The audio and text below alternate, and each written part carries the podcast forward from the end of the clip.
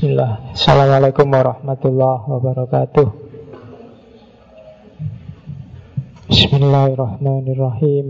Alhamdulillahi rabbil alamin. Alhamdulillah Nahmaduhu wa nasta'inuhu wa nasta'ufiruh. Wa na'udhu billahi min syururi anfusina Wa min sayyiati a'malina Ma yahdihillahu fala mudillalah Wa ma yudlilhu fala hadiyalah Ashhadu an la ilaha illallah wahdahu la syarikalah Wa ashhadu anna muhammadan abduhu wa rasuluh. Allahumma salli wa sallim wa barik Ala habibina wa syafi'ina Sayyidina wa maulana Muhammadin Wa ala alihi wa ashabihi wa ala manitta wa ahuda ila yaumil qiyamah. Amma ba'du. Bismillah kita lanjutkan ngaji filsafat kita. Sesi ke seri mau? 101 ya ya terserahlah pemanaanmu 101 itu apa makna itu kan bisa dibikin-bikin. Pokoknya ya 101 bayangan saya kalau setiap sesi kalian dapat satu aja wawasan baru nggak usah banyak-banyak. Dari misalnya sekali ngaji 15 slide dari 15 itu satu slide aja dari satu slide itu sak baris dok sak poin aja kalau kamu dapat itu kan satu wawasan namanya, satu pengetahuan. Kali 101 kamu punya 100 teori dalam filsafat, 100 konsep filsafat. Sudah lumayan, sudah pinter. Sudah bisa dibuat ngayel dikit-dikit. Oke. Cuma saya tidak tahu ya dalam kalau bagi yang jeli membaca sejarah filsafat kadang-kadang berpikir jernih itu sering tidak mendapat tempat. Karena hidup ini sebagian besar yang menang itu kuasa yang punya kekuasaan bukan yang punya kepandaian Kondisinya semacam itu. Cuma ya seperti katanya Ronggo Warsito Saat bejo-bejone wong Apa Edan, wong lali Wong kuoso yang sewenang-wenang Masih bejo orang yang Iling lan waspada. Iling itu berarti kamu sadar. Untuk bisa sadar harus punya bahan bahannya pengetahuan. Untuk bisa menangkap pengetahuan, ya kamu harus ngerti tekniknya. Di situlah filsafat main. Eling itu bukan kok terus kamu bangun tidak ngantuk, tidak tidur. Eling itu kalau di filsafat namanya kesadaran. Sadar itu maksudnya bukan kok kamu tidak pingsan, tapi kamu paham. Kalau orang Jawa Sangkan paraning dumadi Apa dan bagaimana hidupmu? Dari mana dan mau ke mana?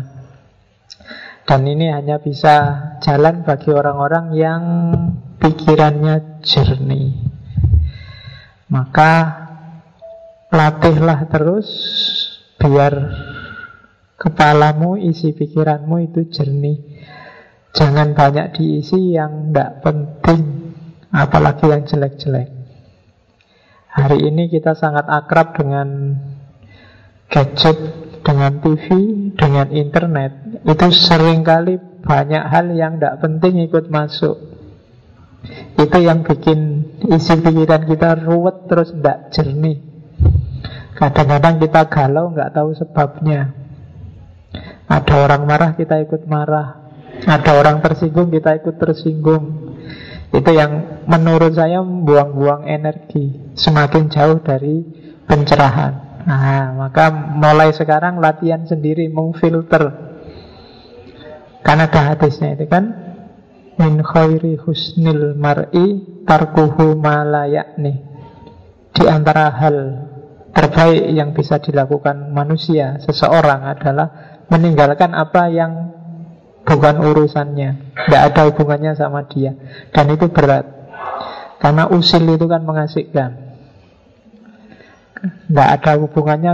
Toh kamu ikut komentar juga. Setiap postingan kamu komentari, setiap status kamu komentari, dan akhirnya mungkin bukan urusanmu, kamu ikut-ikutan.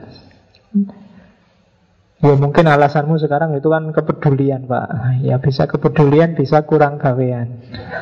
Ya kamu harus pinter membedakan mana itu kepedulian, mana itu kurang gawean. Oke, ya misalnya tadi malam ada di TV One itu ILC debat tentang LGBT Paginya sampai siang saya sibuk dengar orang komentari acaranya TV One tentang LGBT Dan itu bikin capek menurut saya. Ya kalau yang di TV One diundang dibayar. Kalau kamu yang diskusi siapa yang mau bayar siapa yang mau dengerin. Sebagus apa pun pikiranmu ya siapa yang mau ngikutin? Nah sebenarnya akan lebih cerdas. Kalau peranmu tidak di situ ya kamu serap aja, kamu ambil pelajaran, kamu ambil sisi di mana kamu bisa ngambil manfaat dari wacana yang berkembang. Tanpa harus kamu sibuk gegeran sendiri, yang pro sama yang kontra, padahal tidak ada yang bayar. Oke, itu menghadapi hari ini ya. Kita lanjutkan ngajinya. Malam ini kita ada di sekularisme Sipilis yang bagian C-nya Yang diharamkan oleh MUI Ya MUI mengharamkan tidak salah.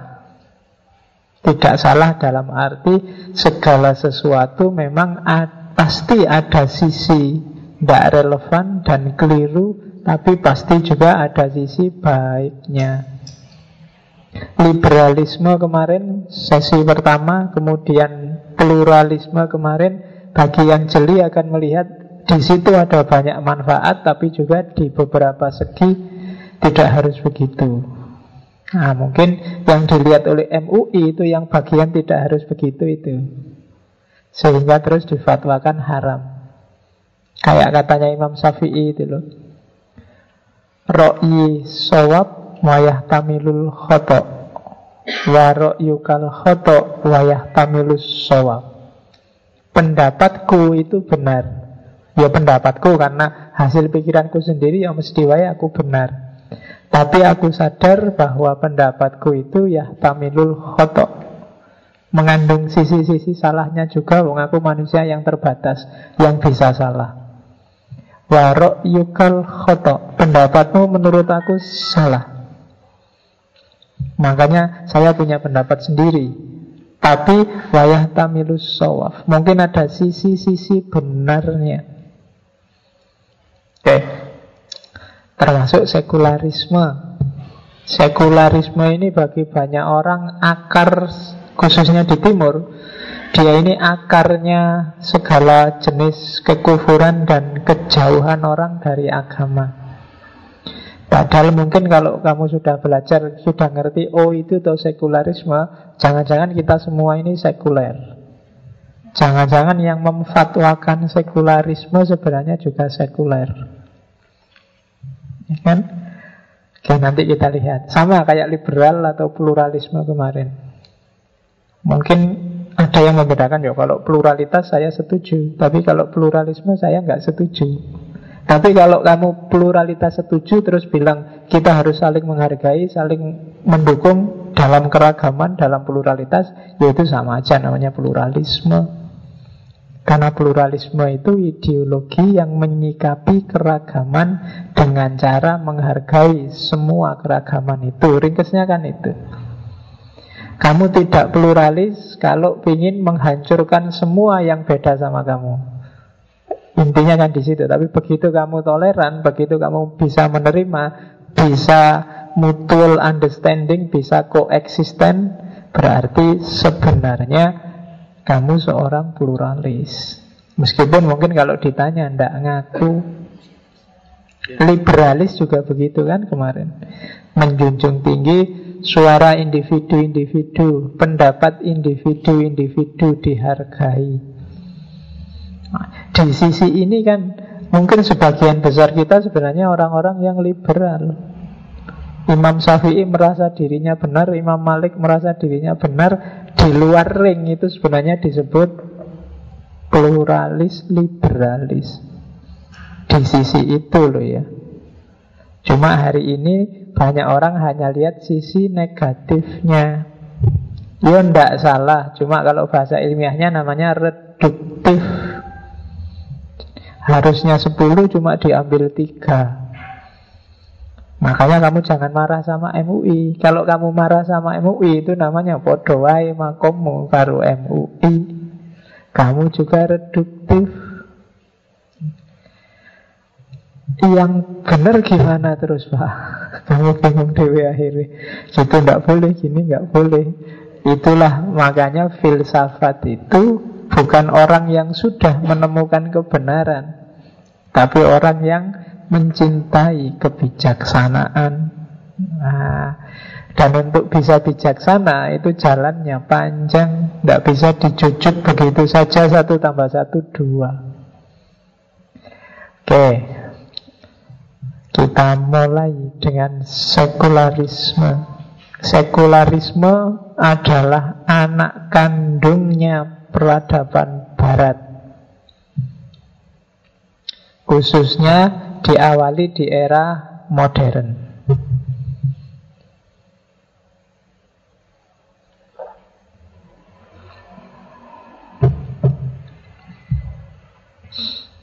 Jadi kalau saya ngomong barat Ini pengantarnya sedikit. Saya tidak tahu teman-teman ngerti apa enggak Tiap hari ngomong barat, timur, barat, Islam Janjane barat iki apa tuh Jawa Barat apa ya masuk Barat Sumatera Barat apa ya? Masuk Barat. Yang namanya selalu begitu.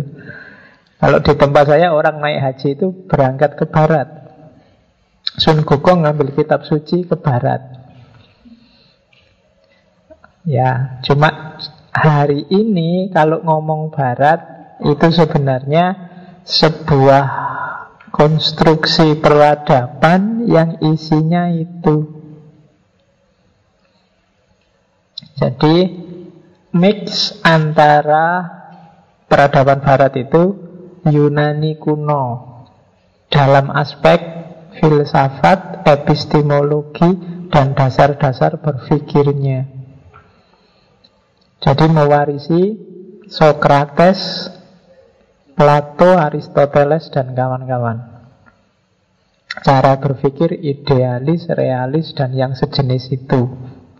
Cara mikirnya orang barat basis awalnya itu Yunani kuno. Dari sisi akalnya, otaknya. Keimanannya itu variabelnya dua Yahudi dan Kristen. Barat tidak identik dengan Kristen Tidak identik dengan Yahudi. Tapi Peradaban Barat dalam aspek kepercayaan pada yang supranatural, pada ketuhanan itu coraknya Yahudi dan Kristen dengan segala variabelnya. Terus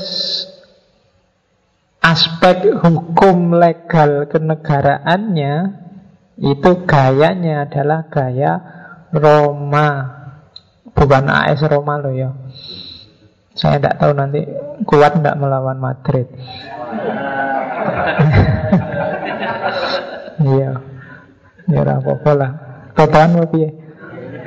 Oke, jadi Roma dari Roma, ya kekaisaran Romawi itu diambil hukum dan kenegaraannya. Jadi Eropa Barat itu mewarisi Romawi. Jadi kalau Belanda ke Indonesia membawa KUHP perdata pidana itu sebenarnya basis awalnya itu hukum tata negara Romawi pada zamannya. Meskipun sebenarnya banyak khazanah lokal yang nuansa hukum dan kenegaraannya juga kuat. Misalnya Mojopahit. Mojopahit itu punya kitab undang-undang sendiri yang khas Jawa, khas Nusantara. Cuma nggak dipakai karena kita lama dijajah oleh Belanda. Oke, jadi aspek hukum kenegaraannya Romawi gayanya, kemudian mentalitasnya itu mix antara Latin, Jerman, Celtic, Nordik. Saya tidak tahu kalian pernah dengar istilah-istilah ini enggak ya? Latin, kalau kamu ngertinya Latin itu kan huruf. Huruf Latin yang nulisnya disambung-sambung itu. Latin itu bahasa kuno. Latin itu kayak kalau di kita sang sekerta. Sang sekerta itu kan bahasa yang sudah mati tapi turunannya banyak. Misalnya bahasa Urdu, bahasa Jawa, bahasa Palawa itu kan dulu dari Latin. Nah, kalau Barat, Latin itu nanti diwarisi bahasanya yang sudah mati. Diwarisi jadi bahasa Spanyol, bahasa Portugis, bahasa Itali. Itu mewarisi Latin. Jadi wilayah Latin itu.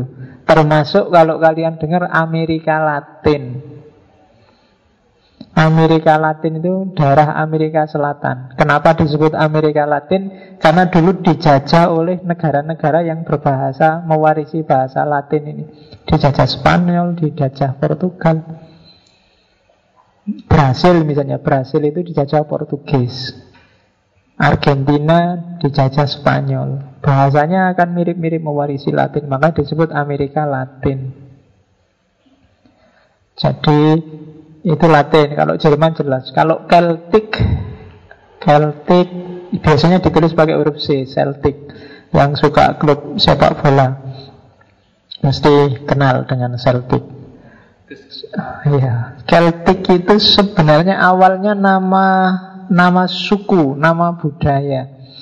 Ada orang-orang yang disebut orang-orang Celtic dengan bahasanya sendiri, dengan mode budayanya sendiri. Yang termasuk Celtic itu misalnya Wales, Irlandia, Inggris. Itu masuk Celtic. Kalau Nordik itu sama sebuah klaster budaya juga yang termasuk Nordik itu antara lain Denmark, Islandia, Finlandia, Ah, itu sebenarnya sisanya Eropa itu Latin, Jerman, Celtic, Nordik yang mewariskan jiwa-jiwa independen yang melahirkan liberalisme, progres, sain dan kawan-kawan. Pusatnya kalau awal-awal Renaissance itu kan ada di Itali. Jadi kalau ngomong Barat itu sebenarnya mix empat hal itu. Yahudi Kristen, Yunani kuno, Romawi, sama Latin, Jerman, Celtic, Nordik. Dari situ nanti lahir peradaban namanya peradaban Barat. Jadi Jawa Barat, Sumatera Barat tidak termasuk. Termasuk kalau kamu ngambil kitab suci di Barat. Ya, ngambil kitab suci di Barat maksudnya India. Kalau hitungannya dari Cina. Karena kitab sucinya Cina yang tahu Konghucu itu kan nanti pengaruh Indianya kuat. hampir semua tradisi spiritual itu lahirnya di India.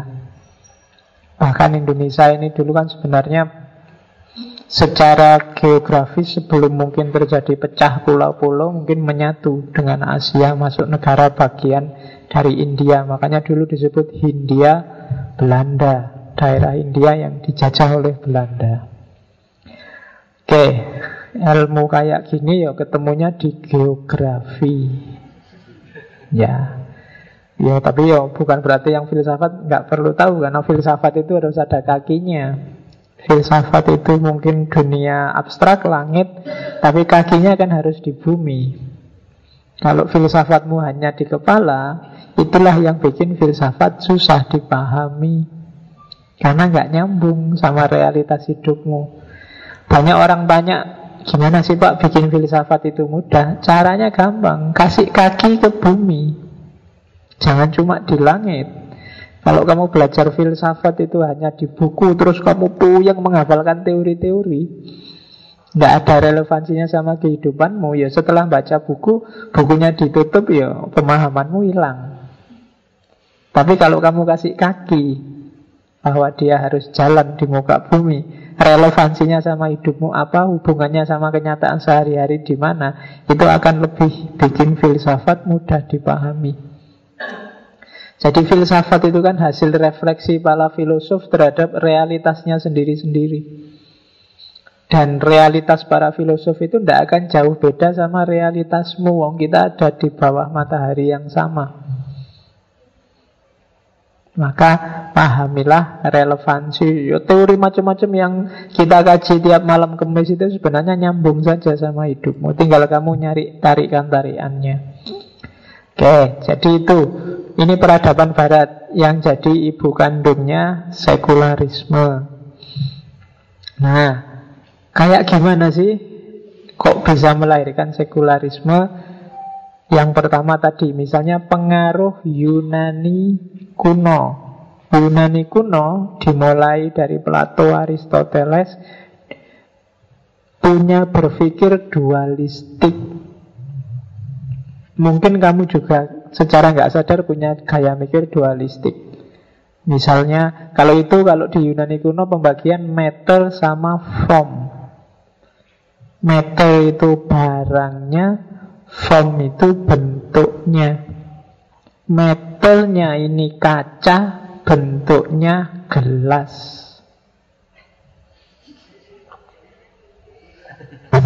Isinya teh.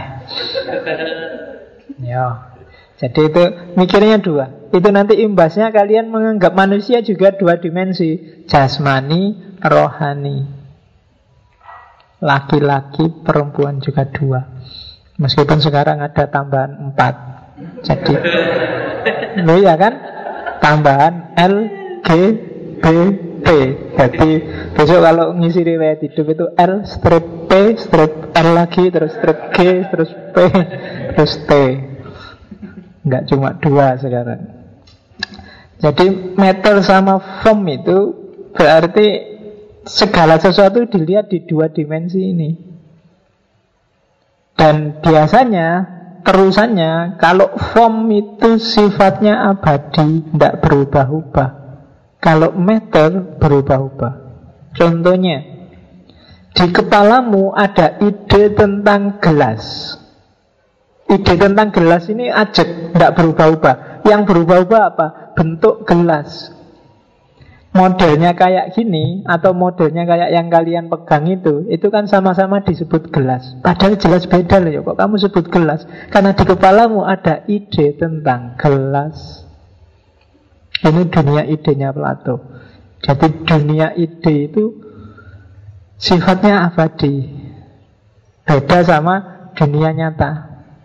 Dunia metal, dunia benda Ini baju Yang kalian pakai juga baju Sama-sama disebut baju padahal jelas beda bentuknya Kenapa? Karena di kepala kita ada ide tentang baju Manusia misalnya Ada yang cakep, ada yang jelek Ada yang setengah jelek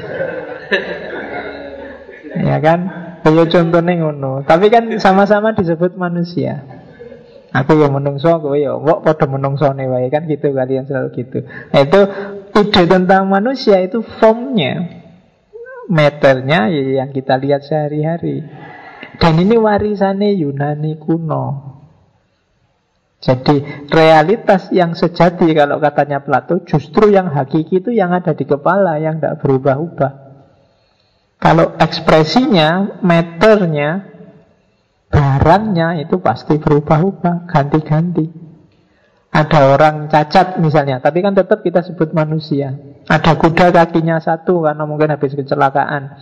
Tetap kita sebut manusia kan. Eh, kuda kan. Sebut manusia aku alik. Jadi ada form, ada meter. Ini warisan Yunani. Ya kelihatannya benar sih, simple sih. Kamu menggambarkan dalam hidupmu langsung bisa ditangkap. Cuma jangan salah, ini implikasinya panjang. begitu masuk ke dalam agama, imbasnya muncul ada wilayah sakral, ada wilayah profan. Ada yang suci, ada yang duniawi, tidak suci. Jadi begitu berhubungan sama agama, segala sesuatu kan kalian pecah jadi dua ini. Kalau masjid ini sakral, kamu jangan macam-macam di masjid. Kalau kamar kos-kosanmu nggak apa-apa, kamu nggak pakai baju di situ, kamu hanya pakai celana dalam joget-joget nggak masalah. Tapi kalau di masjid jangan. Kenapa? Masjid kamu anggap sakral. Kalau kamar kos-kosanmu enggak. Kalau baju kayak gini, ini baju profan. Tapi kalau baju koko, serban, jubah, itu baju sakral. Ya kan selalu begitu. Meskipun perdebatan bukan itu, bukan Islam itu Arab. Ya mau gue debat. Tapi kan ada orang yang anggap itu sakral. Yang lain anggap itu tidak sakral. Jadi cara berpikir dualistik tadi begitu berhubungan sama agama sekarang orang mikirnya sakral tidak sakral Apa pun itu Kamu selalu itu urusan agama apa enggak Ada yang ya itu urusan agama Ada yang bilang enggak Makanan Makanan itu ada sisi sakralnya loh Maka terus ada label haram Label halal Makanan halal Sekarang sampai jilbab aja kan Ada jilbab halal, jilbab haram ya. Besok juga begitu, mungkin jangan-jangan sampai baju, jaket, celana dalam, besok ada celana dalam halal, celana dalam haram. Ah, itu kenapa? Ada ada dikotomi sakral sama profan ini loh. Ada yang dianggap urusan dunia, ada yang dianggap ini urusannya akhirat. Nanti ada yang ekstrim, ya semua itu profan. Semua urusan dunia hubungannya sama manusia. Ada yang kemudian ekstrim, semuanya sakral. Semuanya ciptaannya Allah, segala hal itu bisa dibawa untuk ibadah. Tapi meskipun ekstrim sakral atau ekstrim profan, yang jelas di kepalanya, di otaknya sudah ada pemilahan mana sakral, mana profan. Jadi segala yang di dunia ini dipecah dua. Sama-sama menggerakkan badan Kalau sholat itu sakral Kalau senam itu profan Oke Loh ya kan Jadi Senam yoga itu Yoga itu bagi kamu kan profan Tapi bagi orang Hindu Dia sakral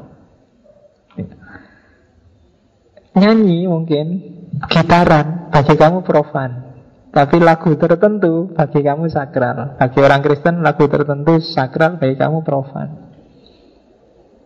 Mungkin malah solawatan bagi yang anggap solawatan dengan lagu itu bid'ah, anggapnya solawatan itu profan, tidak sakral. Tapi bagi kamu yang suka solawatan, solawatan itu sakral. Selalu begitu.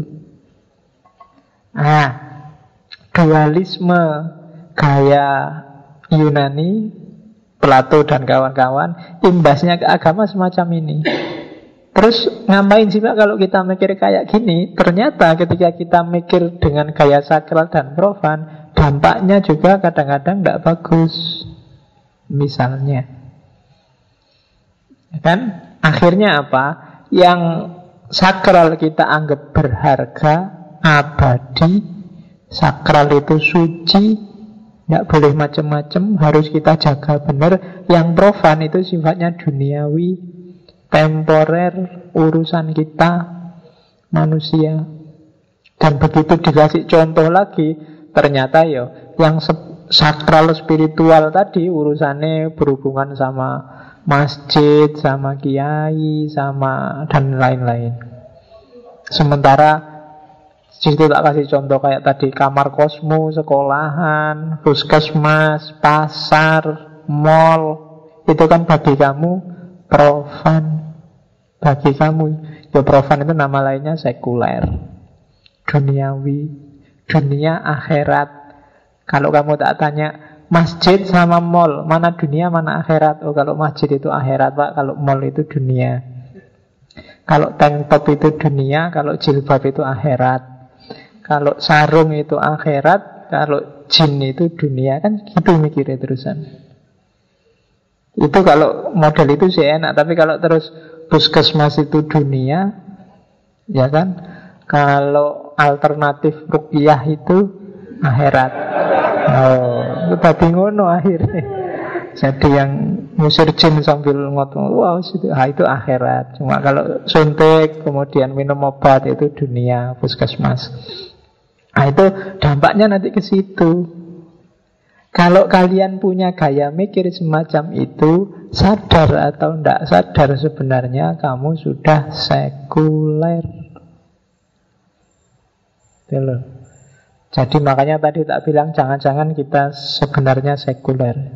Cuma selama ini tidak ngerti aja. Kamu kan definisinya orang yang misah urusan negara sama urusan agama. Itu namanya sekuler. Misal urusan dunia sama urusan agama. Lo hampir semua ya sekarang. Wong MUI-nya aja bikin sertifikasi halal Sertifikasi halal. Itu kan berarti milah-milah. Yang urusan hubungannya sama akhirat disertifikasi Yang enggak ya enggak. Justru kalau memang nggak mau sekuler yo semua harus disertifikasi. Nggak cuma jilbab, ya memang semuanya. Mungkin tukang cukur, mungkin urusan wabe wis tukang sate, angkringan itu harus disertifikasi oleh MUI. Kalau enggak ada yang disertifikasi, ada yang enggak berarti ada yang duniawi, ada yang ukhrawi. Nah berarti angkringan kalau kamu mau ngangkring coba dilihat di nasi kucingnya itu ada stempel halalnya enggak.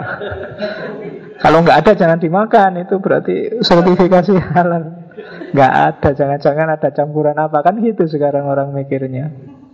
Kamu beli mie ayam atau beli apa itu kan? Kalau beli sate juga dilihat di situ. Ada sertifikasi halal enggak Ada izin POM, ada izin Depkes apa enggak Kan gitu harusnya. Nah itu eh, cara mikir akarnya sebenarnya di sini nanti. Kenapa kemudian lahir namanya sekularisme? Ya mungkin kamu ya enggak gitu Pak sekuler itu Pak. Ah, Makanya tadi tak bilang ternyata dalam memahami pun kita sebenarnya sering milih-milih Bagian yang cocok sama versi kita. Padahal akarnya sebenarnya di sini. Jangan-jangan yang memfatwakan anti sekuler itu dia juga sekuler. Sama kayak yang anti kapitalis sebenarnya ya kapitalis pol. Misalnya ono demo anti kapitalisme Dibayar satu orang 50 ribu ya wae. Jadi akar kenapa kemudian lahir sekularisme di sini. Oke, akarnya ini.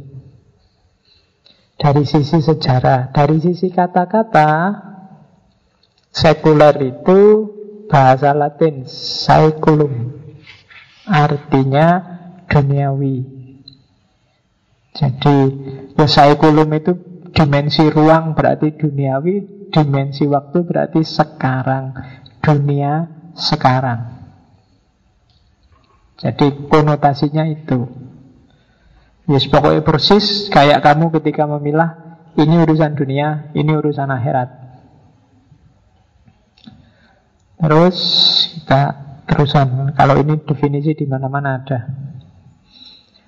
Nah, akarnya itu orang pertama yang memakai istilah sekularisme itu penulis dari Inggris. Namanya Yakub Holiake Jos Yakub Holiake abad 19 jadi dialah orang pertama yang ngomong sekularisme menggunakan istilah sekuler. Cuma istilah ini oleh Holyake dipakai dalam konteks ngomong tentang kebebasan berpikir. Jadi konteksnya ini awalnya ngomong kebebasan berpikir. Jadi orang ternyata tidak bisa bebas mikir apa-apa disetir oleh agama, disetir oleh gereja pada zaman itu di Eropa. Karena padahal bebas mikir itu penting untuk kemajuan peradaban. Maka sudahlah kita ambil sikap sekuler aja deh. Yang sakral-sakral bedakan sama yang tidak sakral. Masa semua diurusi gereja? Zaman itu kan yang disebut era gelapnya barat ketika Islam jaya itu kan gereja dominan luar biasa. Dan pencerahan awal di barat itu kan sebagian besar reaksi memberontak terhadap dominasi gereja. A sampai Z kehidupan diatur oleh gereja. Mungkin saya pernah cerita ya di, di daerah Celtic tadi di abad di abad-abad ketika gereja dominan bahkan ada hak bagi para pendeta kalau diterjemahkan hak ini artinya adalah hak atas paha. Jadi hak atas paha itu kalau ada manten baru pendetanya boleh ngetes manten wanita semalam. Jadi diuji dulu oleh pendetanya. Jadi kalau ya kalau paginya akad terus malamnya pendetanya sudah dites dulu. Nah, kalau memang hasilnya sip, paginya pulang sip ternyata lanjutkan kan gitu. ya itu terjemahannya hak atas. Ya meskipun nggak selalu dipakai tapi boleh. Itu daerah. Kalian mungkin masih ingat kalau nonton film Braveheart? Lama ya film kuno. Mel Gibson. Saya tidak tahu kalian nontonnya film apa. Bobo Boy mungkin ya. Tidak Upin dan Ipin Oke. okay. Sore-sore ono sing iseng ngirim apa WA itu Wah mohon maaf sekali tidak enak Sebenarnya saya ngomong Sejak lama saya pendem aja Pokok intinya ngono Saya oh, gimana ya ngomongnya Akhirnya terakhirnya cuma Sopo ya Bapak Ipin Ipin itu Iya saya tidak tahu itu kata nyebar berkali-kali. Jadi begitu datang di grup yang lain muncul lagi, muncul lagi. Jadi tidak bisa ketawa lagi kalau grup selanjutnya. Wis tahu. Oke. Nah, ini kan membelenggu gereja itu. Dari konteks itu terus orang ingin membebaskan diri. Mau bilang agama tidak penting, tidak berani. Ya agama ya penting. Cuma agama yang kayaknya kayak gini enggak deh. Wis agama ngurusi yang akhirat-akhirat aja deh. Agama ngurusi yang bagian-bagian malaikat, surga, neraka, jin, kesurupan itulah. Yang yang dunia mikir dunia aja deh. Kita kita pikirkan dunia secara bebas. Kita bikin maju, kita bikin progres dunia kita. Dari situ nanti muncul istilah saikulum. Kita duniakan dunia kita. Nah, itu duniawi. Oke. Jadi itu awalnya dari kebebasan berpikir. Kemarin akarnya berarti liberalisme. Oke, jadi ya biar aja ada agama. Agama urusannya agama. Nanti kan ini didukung antara lain oleh filsafatnya Immanuel Kant. Bagi Immanuel kan itu agama adalah sesuatu yang tidak akan bisa dijangkau oleh akal. Susah sekali menangkap entitas-entitas spiritual agama pakai akal. Kayak kemarin kamu bahas Tuhan itu kan bingung luar biasa nyari dalil ke utara, ke selatan, ke atas, ke bawah untuk memutuskan Tuhan ada aja selalu ada argumen kontradiksinya. Membuktikan Tuhan adalah sebab yang pertama juga rentetan logisnya banyak cacatnya. Coba diulang lagi yang kemarin. Ya memang katanya Emmanuel kan tidak nyampe akal itu untuk memahami agama. Oleh karena itu katanya Emmanuel kan ya sudahlah kalau kamu mau beragama ya berarti dia wilayah tersendiri, filsafat dan akal wilayah tersendiri. Kasih ruang dalam dirimu untuk agama. Nah untuk urusan dunia ya urusan dunia Bukan agama Kita pakai logika dunia Kalau agama ya logika agama Mungkin logika agama itu sebagai percaya saja Pasrah Jangan dipikir apalagi dibantah Kalau agama kan itu Kalau kamu berani bantah agama ya Kamu bisa dimarahi orang banyak Agama kan sesuatu yang dianggap paten, baku, nggak bisa diotak-adik. Diterima begitu saja. Nah, itu agama. Kalau kamu mencoba improvisasi, ya kamu tanggung resikonya sendiri. Kayak sekarang di Jombang ada yang ngaku Nabi Isa. Dapat wahyu waktu sholat tahajud. Nah, loh itu kan itu khas namanya jari. Ya, dia ngaku Isa dengan gelar Habibullah.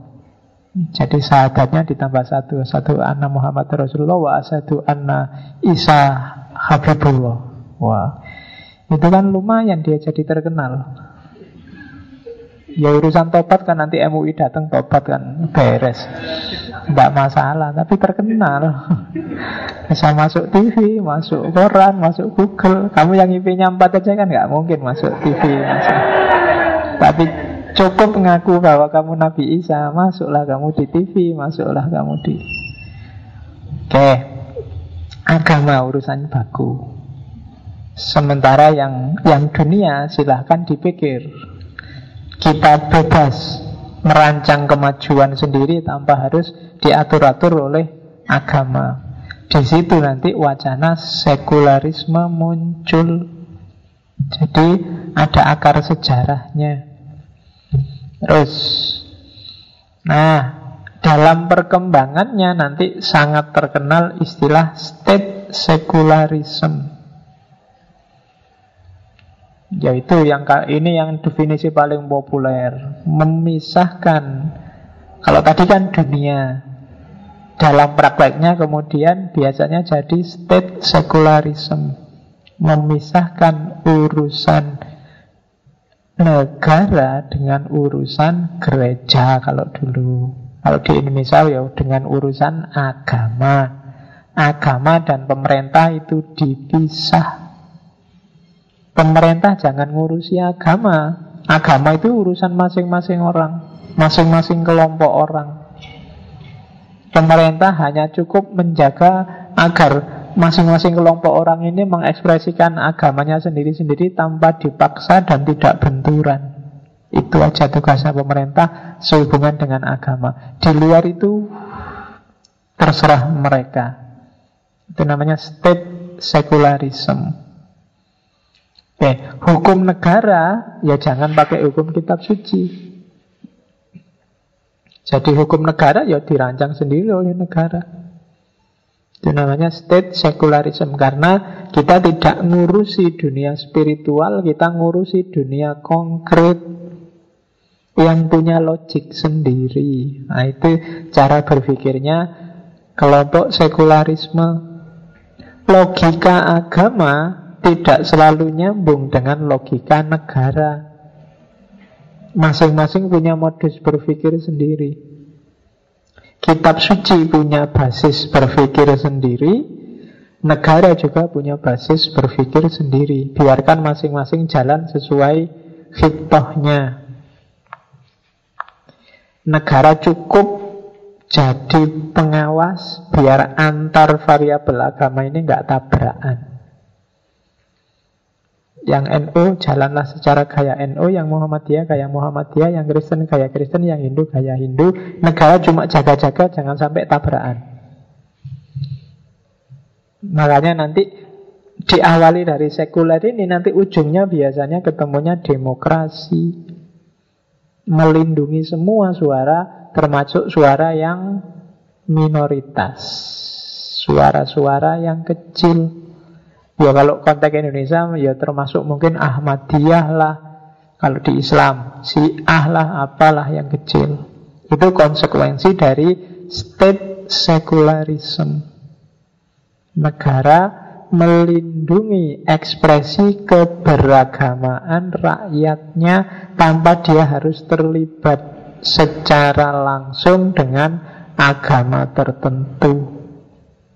Jadi ngambil jarak ini definisi inilah yang sering dipakai bagi mereka yang nantinya mengharamkan sekularisme khususnya dalam Islam. Karena di kalangan umat Islam agama itu ya din ya daulah yang ngurusi akhirat juga ngurusi negara apa cuma Islam yang begini ya tidak di kalangan Kristen pun banyak kelompok-kelompok yang tidak setuju sekularisme dalam aspek ini state secularism. Negara yang tidak boleh ikut campur terhadap urusan agama. Ya. Ini tak ambil dari bukunya Ahmad Kuru. Kuru bukan orang Jawa loh ya. Nanti mau anggap Ahmad Kuru orang Jawa artinya urus. Jadi kalau kalian ingin ngerti kayak gimana sih negara-negara itu kalau dihubungkan dengan agama itu ada banyak gaya. Hitungannya dia ada satu, dua, tiga, empat, lima, enam. Ada enam gaya. Ada religious state. Religious state itu ya negara agama. Guru mencontohkannya ya negara agama itu jelas Iran nomor satu, Saudi Arabia dan kalau Kristen ya Vatikan. Itu namanya religious state. Negara agama. Jadi undang-undang dasar operasional undang-undang dasarnya, konstitusinya itu agama. Namanya religious state. Terus ada state who establish religion negara yang berdiri tegak di atas agama mapan tertentu.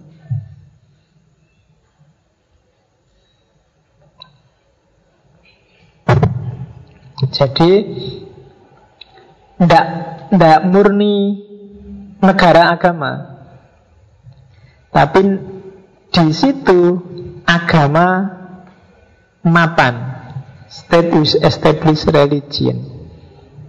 Ya Inggris, Denmark, Yunani misalnya. Dengan misalnya dengan Kristennya, itu kan mapan di sana. Mungkin karena mayoritasnya.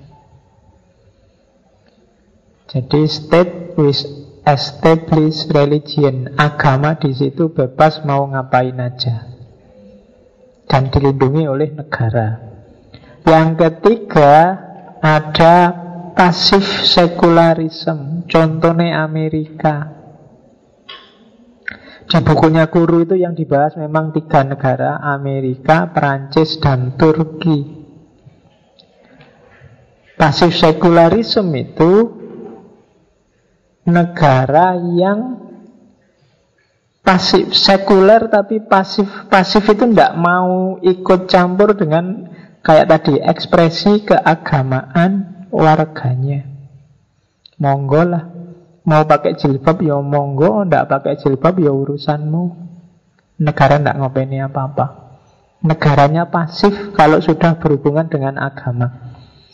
Kamu mau meyakini apa aja silahkan. Apakah kamu Ahmadiyah, Syiah, Lia Aminuddin, Anan Krishna, wis monggo lah urusanmu itu. Nah itu negaranya namanya pasif dan negara memang sama sekali nggak ngopeni agama. Jadi pasif sekularisme. Terus di bawah itu ada secular state. Negara sekuler. Tidak tak tulis di situ Mungkin gambarannya agak mirip Indonesia Jadi formalnya agama melindungi semua apa kayak pasal 29 yang saya tidak tahu sekarang pasalnya jadi berapa ya. Negara melindungi agama dan keberagamaan. Tapi dalam prakteknya kadang-kadang negara intervensi. Ikut main. Nah, itu sekuler. Tengah-tengah. Ada yang agresif. Kalau agresif namanya assertive secularism. Contohnya Turki sama Perancis. Kenapa disebut asertif? Ya kayak Perancis misalnya. Meskipun saya tidak tahu sekarang apa masih begitu. Kalau ada siswi atau mahasiswi pakai jilbab ke kampus dilarang. Kenapa? Itu simbol agama. Simbol agama itu urusan privat, bukan urusan publik. Kalau masuk ke ranah publik, ya ikuti aturan publik. Maka kalau sekolah ya jangan pakai jilbab. Sekolah itu urusan bareng-bareng. Itu simbol keagamaan. Nanti kalau ada yang pakai jilbab, nanti ada yang pakai cadar, jangan-jangan ada yang pakai baju biksu, jangan-jangan ada yang cara mikirnya begitu. Maka negara intervensi, jangan deh, jangan begitu. Jangan-jangan nanti ada yang agama suku terus ke sekolah tidak pakai baju. Kacau, ah, misalnya. Cara mikirnya begitu. Itu simbol etnik, simbol agama tertentu Jangan masuk ke ruang publik, itu urusan privat Dan negara aktif melarangi semacam ini Apa melarangi itu? Meng... Ya pokoknya bikin aturan untuk melarang Turki awal-awal modern ketika dipegang oleh Kemal Atatürk itu kan juga begitu. Bahkan Adam pun karena adan ada hubungannya dengan wilayah publik Pakai mikrofon Sempat adan itu pakai bahasa Turki. Tidak pakai bahasa Arab. Awal-awal sekuler. Kalau sekarang Erdogan saya tidak tahu. Ya banyak yang muji-muji Cuma sementara kita wait and see aja Nggak usah capek-capek bahas Erdogan Kamu bahas Jokowi aja masih bingung. Jadi asertif sekularisme. Jadi negara dia punya negara ini punya ideologi sekuler, jadi agama itu urusan privat, maka di ruang publik jangan bawa-bawa identitas agama. Dan negara dengan aktif ngelarang ini. Oh itu agama, jangan pakai cadar ini ruang publik, mau pakai cadar ya di kelompokmu, tidak di ruang publik. Beda sama yang pasif sekularisme tadi. Kalau pasif sekularisme itu ya sakarep mula Kamu mau pakai cadar, mau tidak pakai cadar. Nggak pakai baju, hanya pakai bikini. Pakai celana dalam sama BH aja keluar Urusanmu. Itu negaranya pasif. Tapi kalau yang aktif Asertif sekularisme Itu negaranya ikut ngatur. Jangan sampai identitas lokal Identitas etnik agama tertentu Masuk ke ruang publik karena ini identitas nasional jadi bukan lokal lagi. Kalau begitu masuk ke ruang publik. Nah, itu contohnya kalau di bukunya guru itu Turki sama Perancis. Ada juga negara-negara tertentu yang anti religious state, anti agama. Jadi, di buku itu dicontohkan antara lain Cina, Korea Utara, sama Kuba. Fidel Castro. Ya kamu baca sendiri gimana sejarahnya Cina, sejarahnya Korea Utara, sama sejarahnya Kuba. Ya kamu bacalah nanti kalau tak jelaskan panjang. Ya sekali-sekali baca sendiri. Kalau Cina paling tidak kamu sudah kenal Jet Li, Jackie Chan. Iya.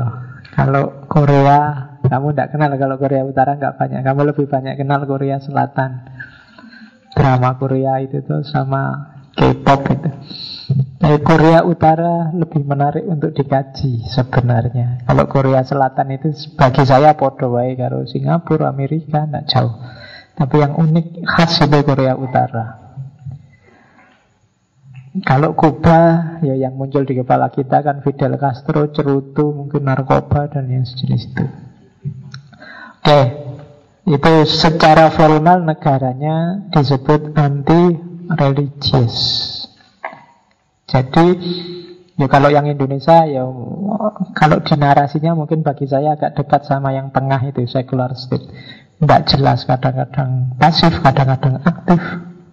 Maunya hak asasi dijamin tapi kok negara kadang-kadang sibuk ngopeni yang sudah jadi haknya orang, melarang-larang, menyuruh-nyuruh. Nah, itu Kadang-kadang campur baur tidak jelas Hasilnya ya warga negaranya juga tidak jelas.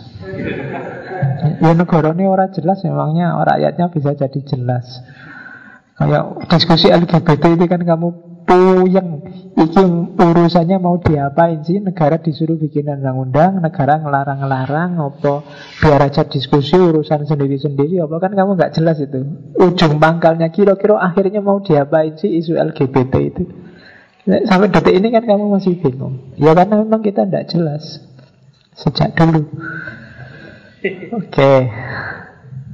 Ya kapan-kapan lah kita bahas filsafat Indonesia ya. Filsafat Indonesia pun ya sebanyak oh, apa ada filsafat Indonesia itu? Oke, okay, terus. Negatifnya kalian sudah ngerti bagaimana sekularisme itu dalam bentuk ekstrim kadang-kadang meminggirkan agama. Maka saya sebut di sini positifnya. Jangan salah, modernisme barat yang memuncak yang sekarang menguasai peradaban manusia itu diawali dari gaya hidup dan gaya berpikir sekuler. Ya meskipun kamu nggak harus setuju 100% Apa sih kelebihannya peradaban yang sekuler itu? Yang pertama menghargai hak individu dan minoritas. Ketika agama terlibat, itu biasanya yang menang mayoritas. Enggak cuma antar agama, intern agama pun yang menang mayoritas. Kalau tidak dipisah, Mana urusan profesional, mana urusan agama Ya tafsirnya minoritas yang akan mendominasi eh, Tafsirnya mayoritas. Dan minoritasnya terpinggirkan. Di antara keuntungannya Agama dipisah sama negara Itu penghargaan hak. Yang minoritas juga boleh ngomong, boleh tampil, boleh eksis Ya contoh kasus banyak kayak di Indonesia ini kan kita sunni maka kita menang. Yang minoritas itu kan bahkan kita larang untuk eksis saja nggak boleh. Menjalankan kepercayaannya sendiri nggak boleh. Disuruh ngaku, ngakulah bukan Islam kan gitu kita. Itu merusak.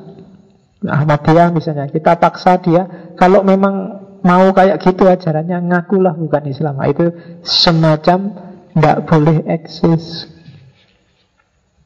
Terus yang kedua kesejahteraan kemudian ketentraman kesetaraan. Itu untuk semua masyarakat. Orang setara semua punya hak untuk sejahtera, punya hak untuk aman, punya hak untuk dilindungi semuanya. Nah, itu ideal yang kedua. Karena konstitusi negara disusun tidak berdasarkan ajaran agama tertentu. Yang ketiga, karena setiap individu dihargai, ya setiap orang bebas mewujudkan cita-cita masing-masing. Ingin jadi apa terserah, tidak ada halangan. Ingin jadi kiai boleh, jadi pendeta boleh, jadi biksu boleh, monggo. Urusanmu masing-masing. Cita-cita. Bagi yang punya cita-cita. Saya tidak tahu kalian punya cita-cita apa enggak. Oke, cita-cita saya simpel aja Pak Gimana caranya klub sepak bola favoritku juara? Kan gitu kan sekarang targetmu kan target dekat aja nggak target jauh-jauh. Lulus cepet, kemudian dapat kerjaan, apa saja boleh asal gajinya besar. Kemudian kan itu jangan-jangan itu isi pikiranmu. Terus kawin, syukur-syukur dapat yang cakep, nggak dapat ya asal mau, nggak apa-apa. Ya seperti nggak mau kan gitu mikirnya nggak jauh-jauh. Terus punya anak ya mikir anak pak masa depan. Dan anakmu nanti cara mikirnya bodoh mewarisi dari bapak. mewarisi dari bapak. Eh ya biaya meneh mikirnya kan gitu. Kuliah yang kira-kira jurusan bisa banyak lowongan kerjanya, yang prospeknya bagus, terus dapat kerjaan, terserah bagian mana, yang penting gajinya besar, Terus nikah, punya anak, mikir anaknya lagi. Nah, jadi Indonesia itu tidak maju-maju karena wong mikirnya cuma gimana caranya anaknya bahagia. Cara aku tidak bahagia tidak apa-apa. Nanti anaknya juga mikirnya gitu. Aku tidak bahagia tidak apa-apa. Anakku yang bahagia. Anaknya lagi juga gitu. Ah, aku tidak bahagia tidak apa-apa. Yang penting anakku bahagia. Akhirnya tujuh turunan nggak ada yang bahagia. Semua ingin membahagiakan anaknya sendiri-sendiri. Ya itu logikanya bulat itu. Ya, jadi ya harus refleksi dewi-dewi untuk merancang masa depannya. Dan yang terakhir sekularisme jelas meruntuhkan model kasta, sekte, kelas. Tidak ada kelompok buruh, kelompok juragan, tidak ada elit intelektual, elit awam, tidak ada semuanya sama, egaliter. Di negara yang profesional hanya beda fungsi, bukan beda status. Saya sama kamu itu levelnya sama, hanya perannya beda, fungsinya beda. Dan memang kalau fungsinya sama ya malah nggak jalan. Kalau semuanya juragan ya pening juga. Kalau semuanya buruh apa ya bisa jalan. Kalau semuanya manajer, ya staffnya sopo. Kalau semuanya menteri ya, kalau semuanya gubernur ya, atau semuanya presiden ya, tidak mungkin jalan. Semuanya rakyat juga tidak jalan Jadinya anarkis Kalau semuanya presiden ya nanti jadi diktator Jadi ya wis egaliter Hanya beda fungsi Jokowi dan kamu itu tidak beda sebenarnya Cuma beda fungsi dan beda nasib Lah ya kan Fungsi itu kan berawal dari nasib Diawali dari nasib Ada yang nasibnya baik Ada yang nasibnya jelek Oke Nah, kenapa sih kok muncul yang kayak tadi? Tadi sudah tak jelasin sedikit. Yang pertama jelas hegemoni agama atas rasio dalam sejarah pemikiran Barat. Itu jelas, termasuk tadi ada hak atas paha tadi dari para pendeta. Sekarang sudah nggak ada, tapi dulu ada. Kalau sekarang ada, kamu pindah jadi pendeta aja. Seru loh itu kamu bisa punya hak atas paha. pendeta nggak boleh kawin nggak masalah. Yang penting kan tiap kali ada pasangan nikah kan kamu bisa ngetes. Oke. Okay. Jadi konflik yang tidak selesai-selesai orang jadi jemu. Meskipun tetap merasa ya agama penting sih tapi masa segitunya.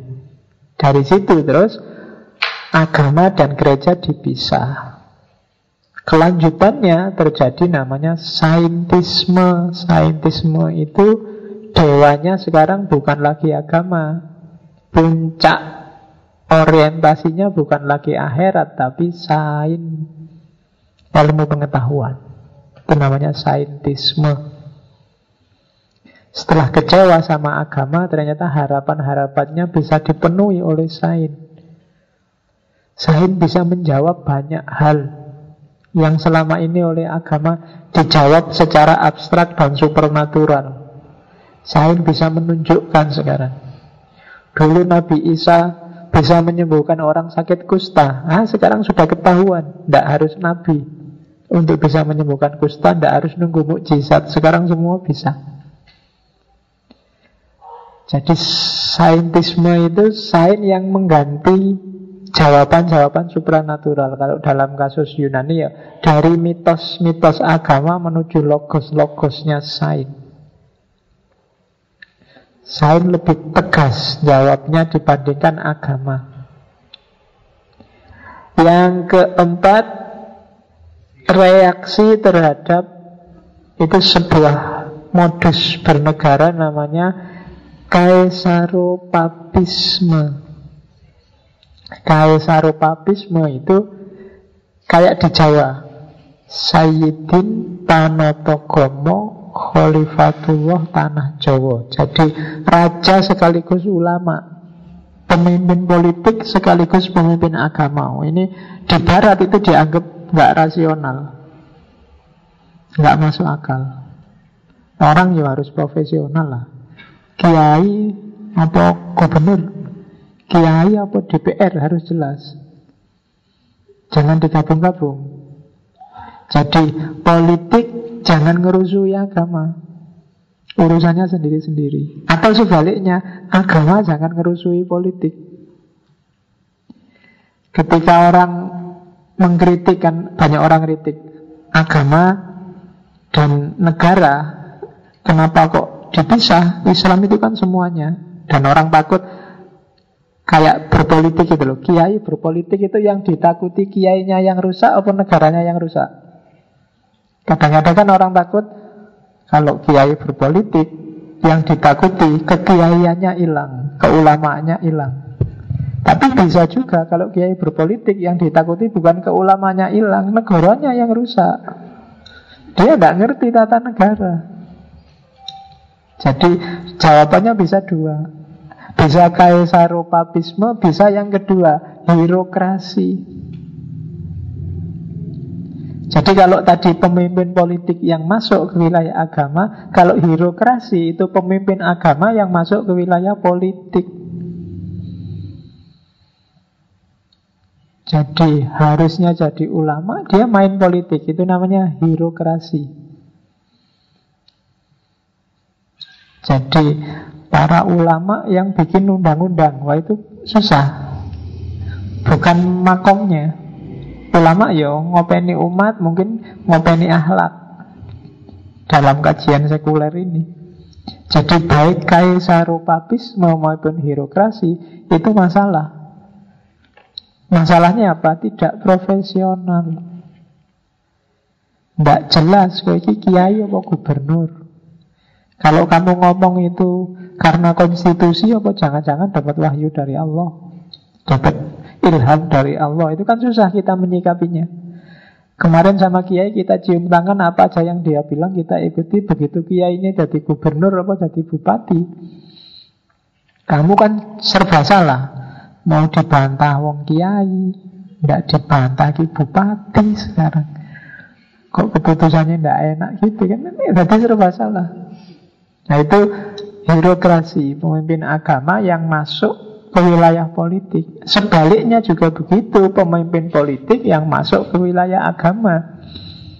Ya gubernur, gubernur aja, bupati, bupati aja, nggak harus jadi ustadz. Yang ustadz biar ustadz Maulana sama Mama Dede. Tidak usah gubernurnya, bupatinya, wali kotanya, terus pakai serban, pakai jubah, terus ikut-ikutan tausiah. Jadi itu namanya kaisaropapisme. Dan ini dikritik Kalau dikritik ada cerita Yesus yang Jadi Yesus ini pernah marah luar biasa Karena di depanku ya toh Kalau Yahudi itu sinagog Di depan sinagog itu banyak orang dagang Waktunya orang ibadah Dimanfaatkan untuk dagang di situ Itu kan terus Yesus marah jadi mejanya dibalik semua. Oh, kalau waktunya di aku ya urusan agama lah, jangan dagang. Urusan dunia nanti, dunia ya dunia. Ya kayak di Al-Quran kan begitu. Kalau ada panggilan wilayah mil Jum'ah ya tinggalan dunianya. Sekarang urusan akhirat jangan dicampur-campur. Jangan ceramah tausiah sambil jualan kaset, sambil jualan buku kan ada yang kayak gitu. Saya pernah itu ada dai perempuan sambil tausiah yang saya omongkan ini sudah ada di kaset ini. Nah, Bapak Ibu yang mau beli nanti setelah saya ceramah aja ya. Jadi itu dagang apa ngasih tausiah. Itu kalau ada Yesus dimarahi mesti. ya kan? Ya untungnya Yesus sudah tidak ada. Jadi birokrasi pemimpin agama yang masuk ke wilayah politik. Background inilah nanti yang melahirkan sekularisme. Oke, terus, nah sebelum sekularisme ada proses menuju ke sana namanya sekularisasi. Bedakan Harus dibedakan kenapa? Kadang-kadang sekularisasi tapi ujungnya bukan sekularisme.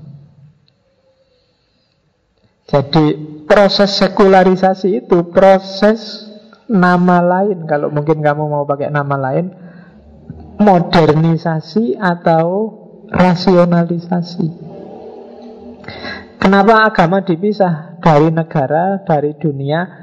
Biar orang mikir sendiri. Itu kan namanya narasionalisasi. Tidak terikat oleh agama. Jadi ada proses merasional Proses memodern. Apa mungkin Mbak diambil prosesnya aja Ujungnya tidak sekularisme? Bisa.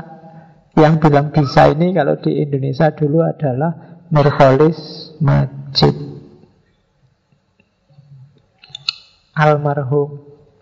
Jadi proses perubahan masyarakat dari kehidupan yang total dengan nilai-nilai agama menuju kehidupan yang rasional, modernisasi dan rasionalisasi. Jadi gambarannya gini kalau harus menggambarkan. Jadi semakin pinter orang semakin dia sebenarnya bisa bertauhid. Semakin tidak terikat oleh institusi agama. Semakin tidak mudah dibodohi. Itu kalau di di Al-Quran dia pakai teori namanya taskhir. Taskhir itu menaklukkan, menundukkan. Agar orang bisa menundukkan alam semesta, dia harus pinter. Dan ketika dia bisa menundukkan alam semesta, tauhidnya bisa memuncak. Kalau orang tidak paham tentang pohon, khawatir misalnya kerubuan pohon apa khawatir kena kualat danyangnya pohon, terus akhirnya dia akan nyembah pohon. Tapi begitu dia pinter ngerti teknologi perkayuan, teknologi kehutanan, teknologi pohon, dia bisa menaklukkan pohon. Maka dia tidak butuh nyembah pohon. Orang dulu tidak ngerti gimana caranya menaklukkan laut. Nggak ngerti teknologi kapal seperti sekarang Ngerti ini gedek sama perahu. Kecil Kalau ada ombak besar habis. Maka sebelum berlayar dia ngirim sajen Ke Nyai Roro Kidul yang punya laut Nah, semakin orang pinter, semakin dia bisa menaklukkan laut, punya teknologi kapal, punya teknologi, nah, maka dia bisa taskhir. Jadi rasionalisasi, modernitas itu ketika dia bisa taskhir, dia tidak terikat lagi oleh segala hal. Dan satu-satunya yang bisa mengikat dia, sisanya hanya tinggal Allah. Nah itu teorinya Nurholis Majid. Sekularisasi tapi ujungnya tidak harus sekularisme. Meskipun banyak disalahpahami orang. Dan Nurholis dianggap mbahnya sekularisme di Indonesia. Oke, jadi Sekularisasi berarti proses menuju sekuler. Menuju sekularisme. Nanti kita lihat. Nah Prosesnya kayak gimana sih? Ada proses yang parsial, ada proses yang komplit. Parsial itu yo agama ngurusi agama, negara ngurusi negara. Kayak tadi itu sebenarnya parsial. Ada yang komplit. Yang komplit itu bukan agama dan negara, tapi privat dan publik. Jadi semua nilai itu tinggal dicek apakah itu privat dan publik. Tidak cuma agama, apa pun itu yang urusan sendiri-sendiri ya biar diurusi sendiri. Apakah saya mau seks bebas, sopo aku Arab LGBT, aku mau Arab urusanku.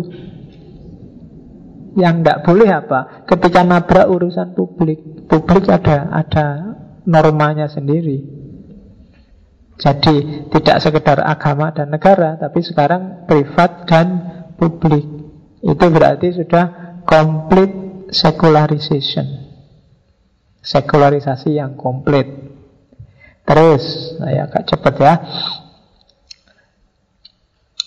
Prosesnya coba diidentifikasi seperti apa sih kemudian ketika sekularisme lahir.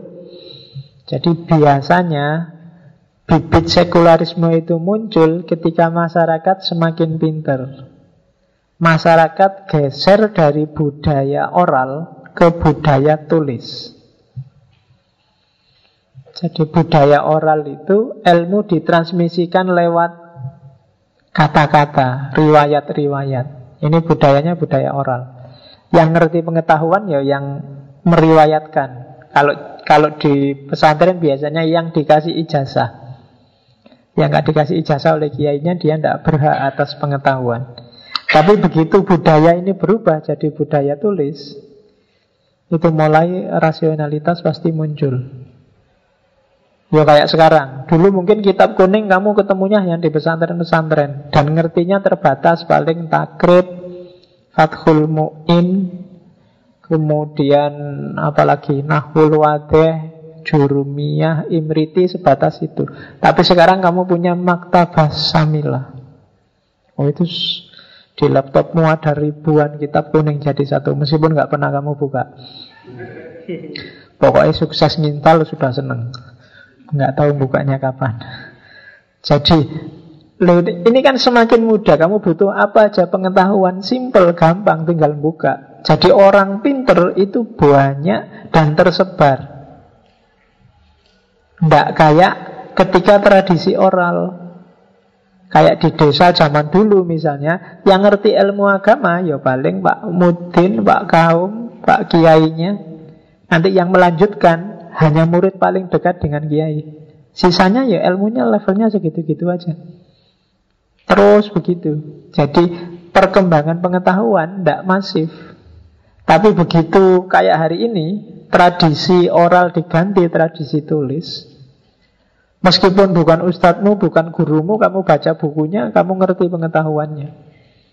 Maka perkembangan pengetahuan semakin masif, orang semakin susah untuk diikat dengan dogma-dogma lokal. Dulu misalnya kamu ngerti Islam itu kan versi mungkin yang NO ya versi NO yang zaman dulu bahkan versi NO gaya bapakmu atau gaya desamu saja. Itulah bagi kamu agama Islam yang paling benar dulu kan. Tapi begitu kamu masuk Jogja kamu ketemu banyak sekali variasi keberagamaanmu pasti semakin rasional. Oke. Ya contohnya banyak. Kamu kecil diajari bapakmu membaca doa, sholat, kemudian apa pun itu kan, itu kan versi dan kamu anggap paling benar. Tapi begitu kamu kuliah hari ini, lu ada yang versi gitu, ada yang versi gini, ada yang versi beda lagi kan. Takbiratul ikhram ada yang Tangannya sampai telinga. Dulu kamu diajari bapakmu sampai pundak.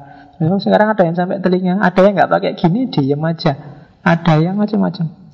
Ada yang di atas udel, ada yang di atas kanan bagi kanan. Kanan ada yang di bawah udel, macam-macam. Dan semuanya kamu ngerti, oh benar kabeh, masing-masing punya dalil. Ternyata dalil pastinya tidak ada versi-versi ya kan ada yang kalau sholat nginjek kaki sebelahnya ada tuh ya itu seru loh itu. Ya untung sholat itu sepatu dan sandalnya dilepas. Coba pakai sepatu boot. Nanti injek-injekan bisa taburan gara-gara diinjek. Ya.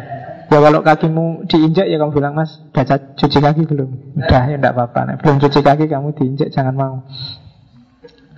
Kan itu kan gaya juga. Meskipun tidak ada dalil.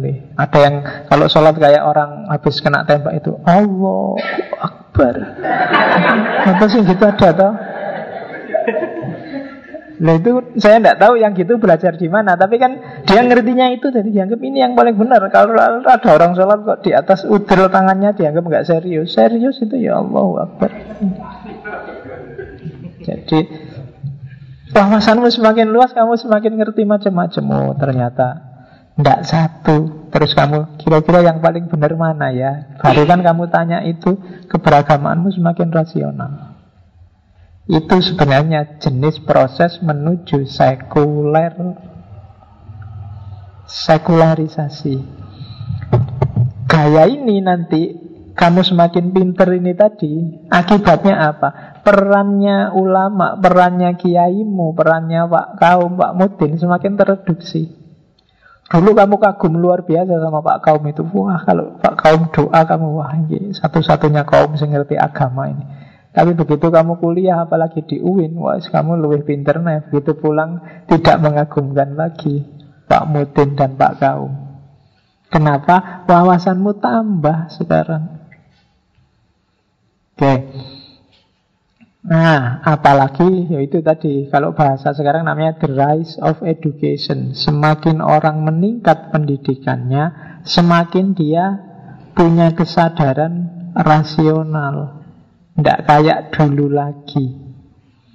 Kesadaran rasional ini yang kadang-kadang bikin kamu keluar dari kesadaran kolektif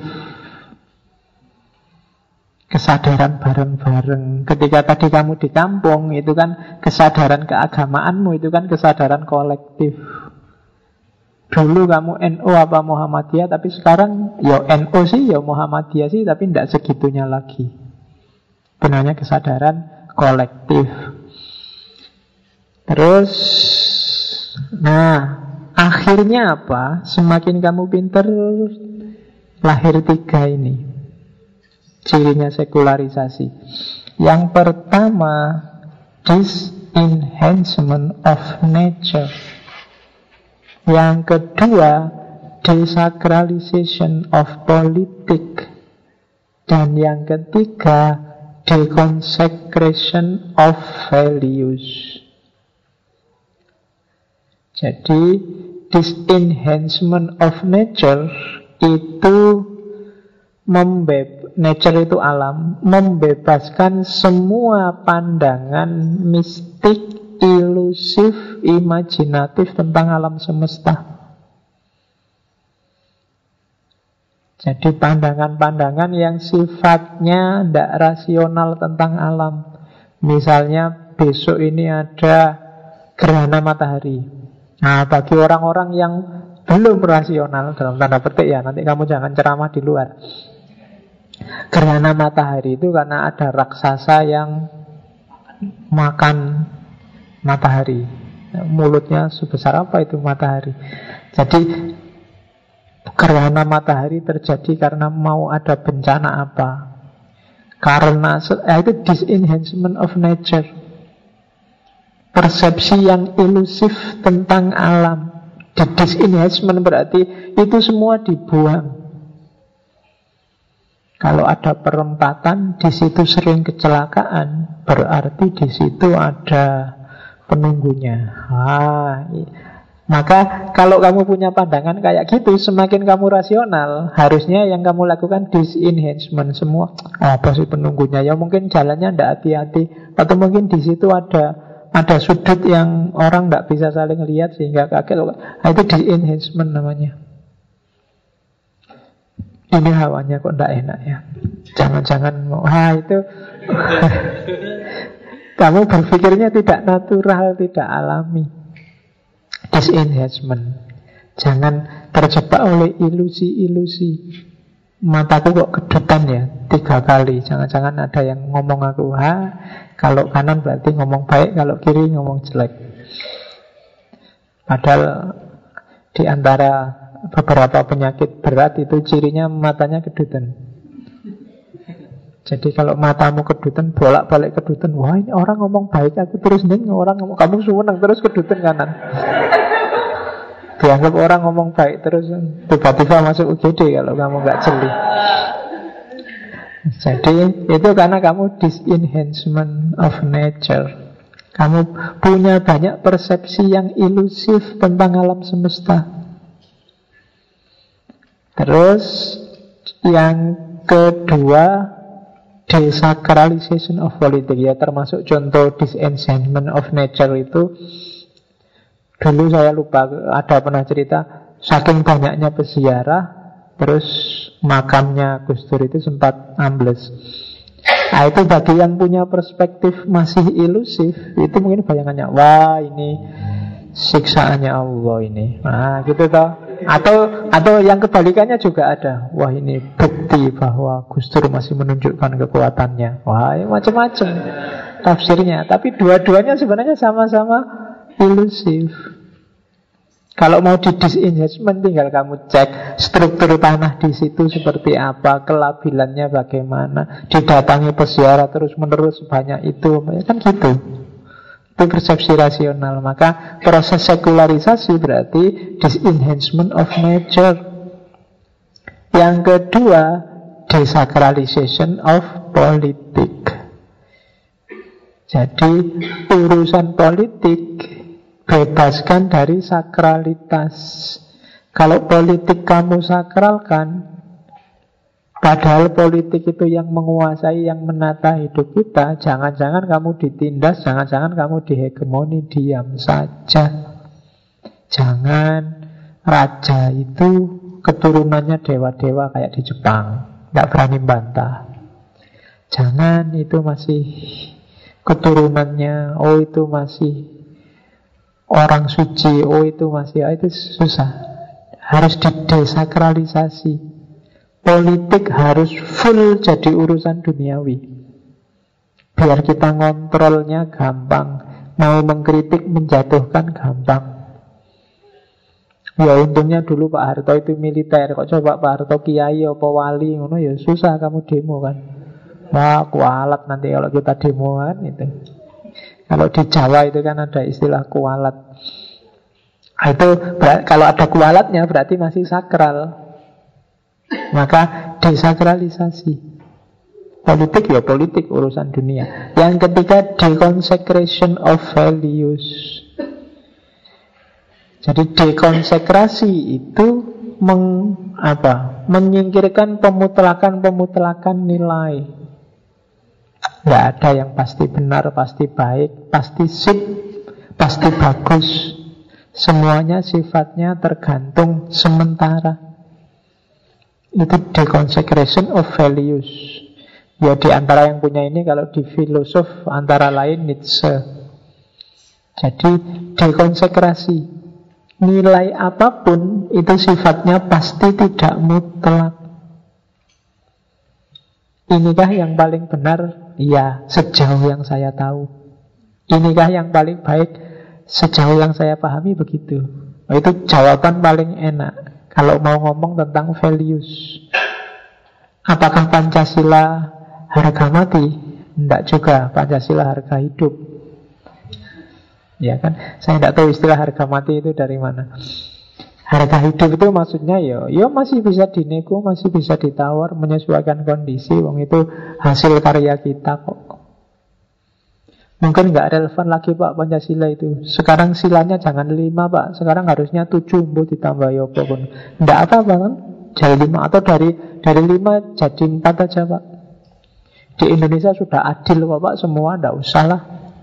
Nah, atau Sila ketiga itu tidak masuk akal Pak Itu utopia Persatuan seluruh rakyat Indonesia itu tidak mungkin Pak Allah itu menciptakan alam ini ya beragam macam-macam Jadi nggak usah dimasukkan lah Sila yang tidak masuk akal itu. Tidak alami itu. Pluralitas itu kan sifatnya wajib Pak. Niscaya Jadi tidak mungkin persatuan.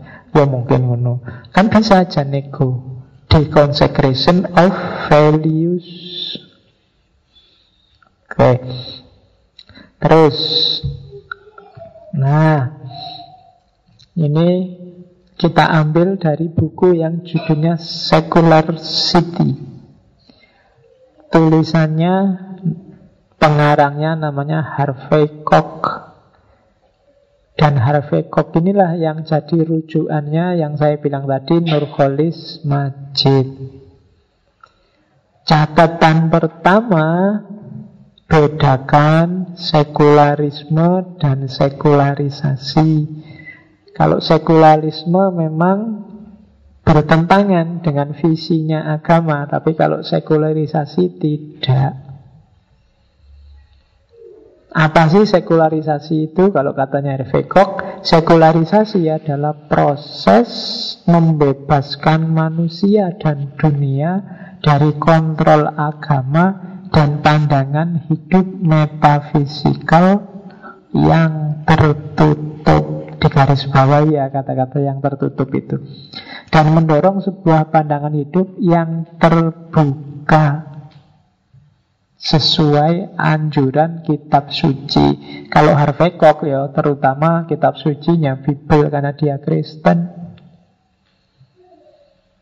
Kalau di kita ya berarti Al-Quran Apa Al-Quran menyuruh terbuka? Ya Quran kan nyuruh kita mikir Nyuruh kita tidak memutlakkan pandangannya manusia Kebenaran hanya miliknya Allah. Jadi jangan mau dibelenggu oleh institusi agama yang metafisikal dan tertutup. Karena pemahaman keagamaanmu sekarang ideologi agama apa pun itu mungkin salah maka harus terbuka dan siap diperbaiki terus menerus maka proses rasionalisasi, modernisasi dalam beragama itu dilanjutkan terus saja tanpa harus jatuh pada ideologi namanya sekularisme. Kalau sekularisme itu pandangan hidup yang tertutup. Jadi yang bukan hanya tidak sesuai katanya Rafikov tapi juga bertentangan dengan ajaran agama bahkan dengan sekularisasi. Kalau sekularisme itu nutup. Kalau tadi kan membebaskan manusia dari kungkungan agama, yang membelenggu karena dogmatis. Kalau sudah dia jadi isme, maka agama terus-menerus harus dinafikan. Dan ini beda sama sekularisasi, katanya Reveko. Kalau sekularisme itu jatuhnya bisa lama-lama agamanya hilang karena dia dinafikan terus, membelenggu cara berpikir. Tapi sekularisasi itu proses proses orang beragama secara rasional. Oke, jadi versinya Harvey Koch beda sekularisasi sama sekularisme. Sekularisasi itu rasionalisasi beragama, kalau sekularisme itu ideologisasi beragama. Ideologisasi dalam arti ideologi yang lama-lama mengecilkan perannya agama semakin kecil semakin kecil akhirnya habis agamanya. Oke, itu catatan pertama. Catatan kedua katanya Harvey Koch sekularisasi itu tahapan-tahapannya ada tiga. Yang pertama pisahkan antara Tuhan dan alam. Bedakan, jangan dicampur. Kalau Tuhan itu sakral, kalau alam itu profan. Maka kamu boleh mengelola, boleh mendaya gunakan, boleh memanfaatkan alam semesta sesuai versimu. Tidak masalah. Kalau di timur kan kadang Tuhan itu ya alam semesta ini ya Itu yang bikin kamu agak susah Mendaya gunakan alam Maka pisahkan Tuhan dan alam yang kedua, pisahkan agama dan negara. Tadi kita sudah banyak ngomong. Dan yang ketiga, pisahkan antara nilai moral dan ajaran agama. Kalau ajaran agama itu sudah institusinya, kalau nilai moral itu substansinya. Potong tangan itu ajaran agama. Tapi penghargaan pada hak milik orang lain, penghukuman agar orang tidak menjarah miliknya orang lain itu nilai moral. Rajam itu ajaran agama. Tapi sistem hukum yang bikin orang kapok untuk berzina itu nilai. Oke, dan ini pisahkan, tidak sama, maka ganti ajaran agama, ganti tafsir agama, tidak otomatis kamu keluar dari nilai-nilai moral agama. Nah, itu versinya Harvey Koch. Jadi setelah alam dipisahkan dengan Tuhan, agama dipisahkan dari negara, nilai moralitas dipisahkan dari ajaran agama. Dari situ nanti masyarakat jadi rasional. Tidak semua dianggap sakral. Ada wilayahnya masing-masing. Nah, itu secular city. Dalam analisisnya Harvey Koch, masyarakat itu berkembang dari tribe, town, dan yang terakhir technopolis. Tribe itu masyarakat suku, kepemimpinan, keanggotaan berdasarkan keturunan. Kalau masih ada yang kayak gini berarti masyarakat kita masih suku. Sak desa itu ya sedulur kabeh. Nah itu berarti masih masyarakat suku Masih, oh ini Pak Deku, yang sana bulekku Yang sana Pak D-nya Pak Deku Yang sana buleknya bulekku yang... Jadi sok desa itu sedulur kabeh Itu berarti kamu masih primitif Orang asing tidak bisa masuk. Nah, nanti tribe naik jadi town. Kalau sudah town, orang asing bisa masuk. Hukumnya dasarnya tidak lagi adat dan tradisi Tapi aturan bersama. Jadi orang masih butuh diatur-atur bareng-bareng. Yang ketiga Ada naik kelas di atas itu Namanya teknopolis Orang sudah bagus semua Pinter semua Canggih semua Jadi biarkan berekspresi sesuai individunya masing-masing Tidak usah terlalu banyak diatur. Itu namanya masyarakat teknopolis Makomnya kita saya tidak tahu Mungkin Indonesia ini masih tahun Belum teknopolis Kalau suku tidak layak Tribe mungkin tidak kita. Indonesia kan lumayan membaur. Di sini aja yang hadir malam ini Mungkin ada dari suku A, suku B, suku C. Itu berarti kita lumayan tahun Tapi mungkin belum teknopolis Kalau teknopolis itu masyarakatnya mandiri. Dibebaskan, disuruh ngapain aja. Dia pilihan-pilihannya selalu rasional. Itu yang disebut masyarakat sekuler. Sekuler city. Jadi bagi Harvey Koch, kalau ada istilah kamu sekuler ya, itu justru orang itu dipuji. Berarti kamu sudah bagus, kamu sudah rasional. Kalau di Indonesia sekarang kan kebalikannya. Sekuler ya gue. Wah kamu enggak kok, saya enggak sekuler. Harusnya kamu seneng. Oh iya saya sekuler. Neng sekarang kebalik. Kita kita sekulernya versi MUI, jadi takut kamu dianggap sekuler. Sebenarnya di definisinya Harvey Koch, sekuler itu bagus. Berarti kamu mandiri, rasional. Oke, cirinya apa sih peradaban sekuler itu? Yang pertama mobilitas, yang kedua anonimitas, yang ketiga pragmatis, yang keempat profanitas. Masyarakat sekuler itu masyarakat yang mobile Tidak lagi mangan orang mangan Yang penting ngumpul Jadi dinamikanya cepat dan luar biasa Itu biasanya ciri-ciri yang pertama Kalau kalian misalnya di Jogja Setahun terus Idul Fitri pulang ke kampung Wah sudah banyak yang berubah sekarang di sini Kemarin di sini kandang ayam, sekarang jadi 21. Kemarin di sini apa kan itu? Ah, itu berarti mobile, berarti sudah mulai sekuler. Ya bahasa modernnya berarti sudah mulai maju, mobilitas. Yang kedua, anonimitas. Anonimitas itu anonim itu kan tanpa identitas, tanpa nama. Maksudnya apa? Kamu tidak dikenal dari aspek namamu tapi peranmu, fungsimu. Jadi kalau ketemu saya, halo Pak dosen. Jadi bukan namaku Faiznya, tapi dosennya. Itu namanya anonimitas. Orang dikenal fungsinya, perannya. Dia lagi mahasiswa, kai wae mahasiswa. Jadi orang tidak peduli namamu siapa, yang penting sekarang kamu mahasiswa. Anonimitas, anonim. Namamu itu tidak penting, dia cuma label. Peranmu aja apa? Yang kamu mainkan apa? Nah, itu peradaban yang anonim. Nama saya Ahmad loh Pak, nama saya Muhammad loh Pak, tidak peduli. Sekarang kamu mainnya sebagai apa? Bagus apa enggak permainanmu? Nah, itu peradaban anonim. Yang ketiga pragmatis. Jadi orang-orang sekuler itu ndak bulat. Karpe gitu aja tuh the point. Tidak terlalu banyak diskusi, tidak terlalu banyak kembang-kembangan kata, mikir yang abstrak-abstrak. Pokoknya targetnya apa? Ingin kaya ya kerja.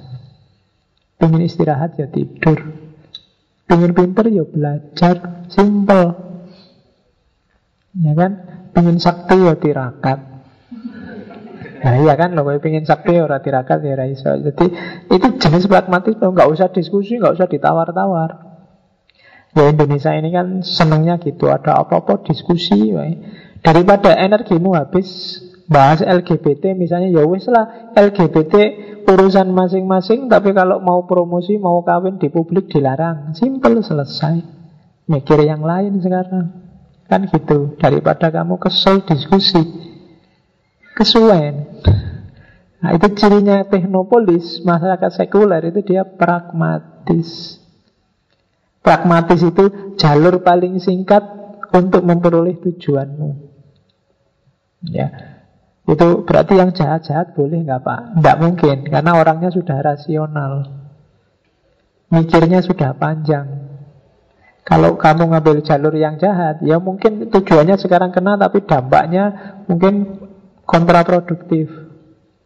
Jadi kamu tidak rasional. Kalau misalnya biar kaya ngerampok aja, mah ya ngerampok kamu jadi nggak jadi kaya malah malah di penjara. Nah, itu orang rasional mikirnya nyampe ke sana. Jadi pragmatis nggak selalu menghalalkan segala cara. Definisinya pragmatis bukan itu. Pragmatis itu nyari jalur paling pendek untuk ketemu tujuan. Ya tetap dengan asumsi-asumsi rasionalitas. Dan yang keempat profanitas. Orang sekuler itu tidak gampang agama-agamakan sesuatu. Ya kalau di Indonesia ya mengkafir-kafirkan menyalah-nyalahkan dari perspektif agama. Segalanya itu profan kok. Pikiranmu itu profan. Hasil tafsirmu itu profan. Semuanya tidak ada yang sakral. Yang sakral Qurannya yang sakral Allahnya yang sakral nabinya tapi pemahamanmu, ekspresi keberagamaanmu Itu hasil tafsirmu. Dan tidak sakral Bisa keliru Bisa tidak pas Bisa tidak sesuai. Dan kalau kamu ketemu memang keliru Ya gantilah, perbaikilah, transformasilah. Nah, Itu gaya profanitas namanya. Jadi menyikapi sesuatu Tidak selalu dengan cara mensakral-sakralkan. Terus itu istilah sekularisme. Ada istilah pseudo sekularisme mungkin kalian nanti baca buku. Pseudo sekularisme itu seolah-olah sekuler tapi sebenarnya enggak misalnya kalau di situ kasus India.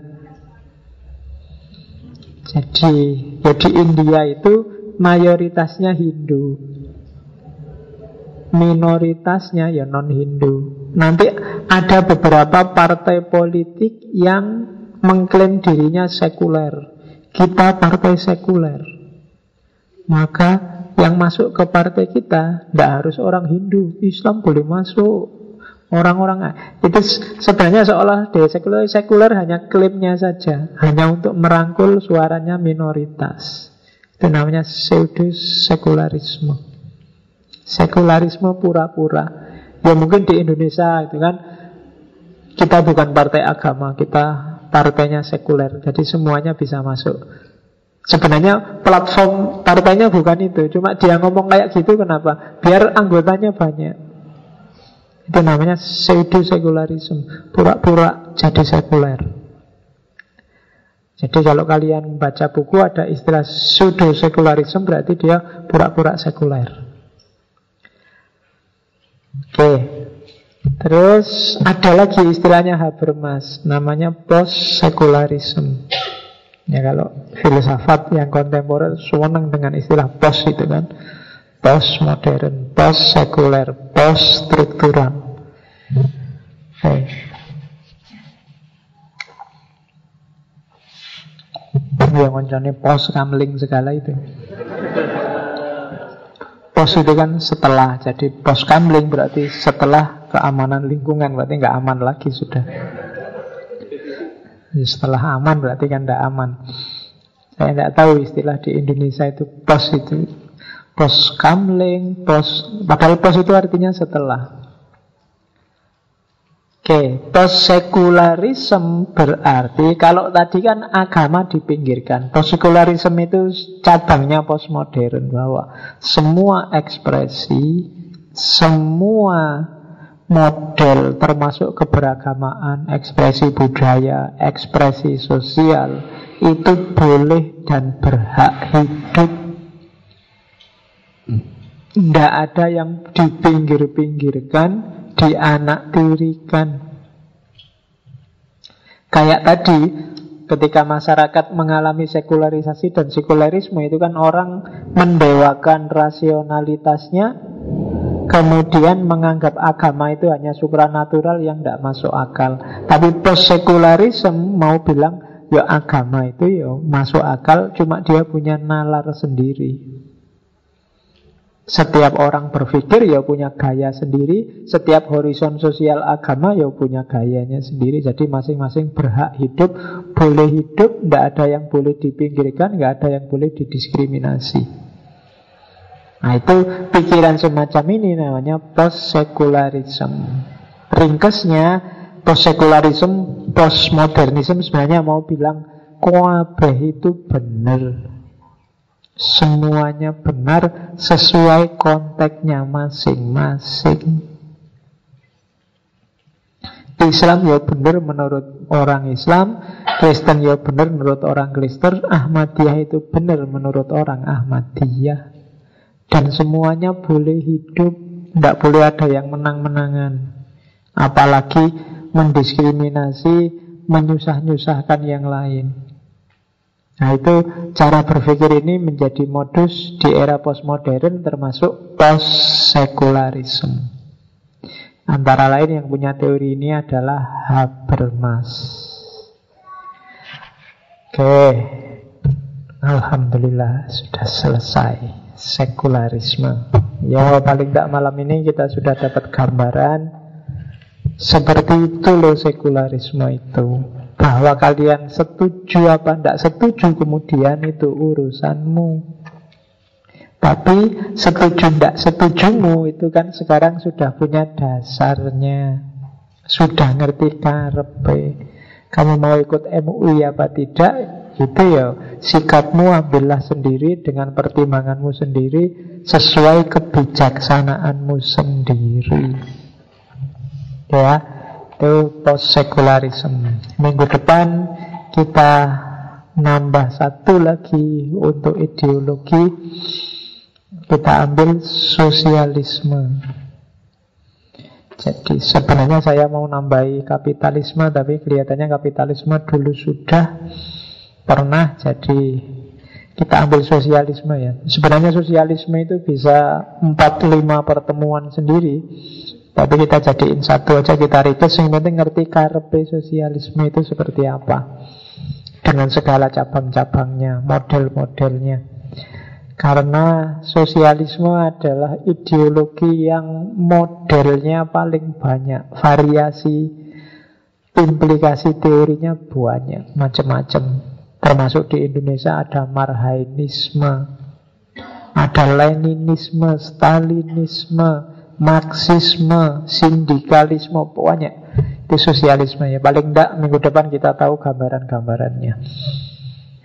Oke, saya kira itu untuk malam ini. Insya Allah ketemu lagi minggu depan seri ke 102. Saya akhiri sekian. Wallahul muwafiq wal afu minkum wallahu a'lam bissawab. Wassalamualaikum warahmatullahi wabarakatuh.